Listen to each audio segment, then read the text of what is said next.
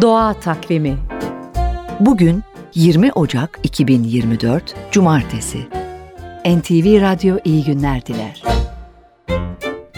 Lise öğrencileri Prakrit Jane ve Harper Forbes iNaturalist uygulamasında bir kullanıcı tarafından paylaşılan sarı, yarı saydam, kimliği belirlenemeyen akrep fotoğrafını görünce bunun yeni bir tür olabileceğini düşündüler.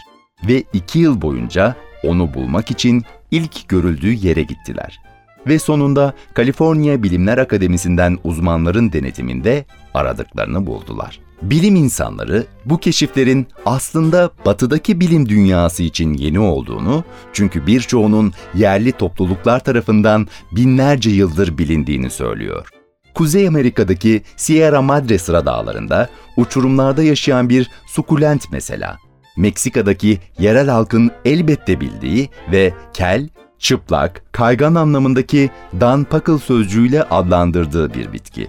Onlar zaten kendi bölgelerindeki doğayı herkesten daha iyi biliyor, yerel biyolojik çeşitlilikle yakın ve uyumlu bir ilişki sürdürüyor. Bu mirası, geleneksel bilgiyi nesilden nesile aktarıyorlar. Bilim dünyası ise yeni keşfettiği bu bitkiyi yerel halkın adıyla Oğudım olarak literatüre kaydetti. Doğa Takvimi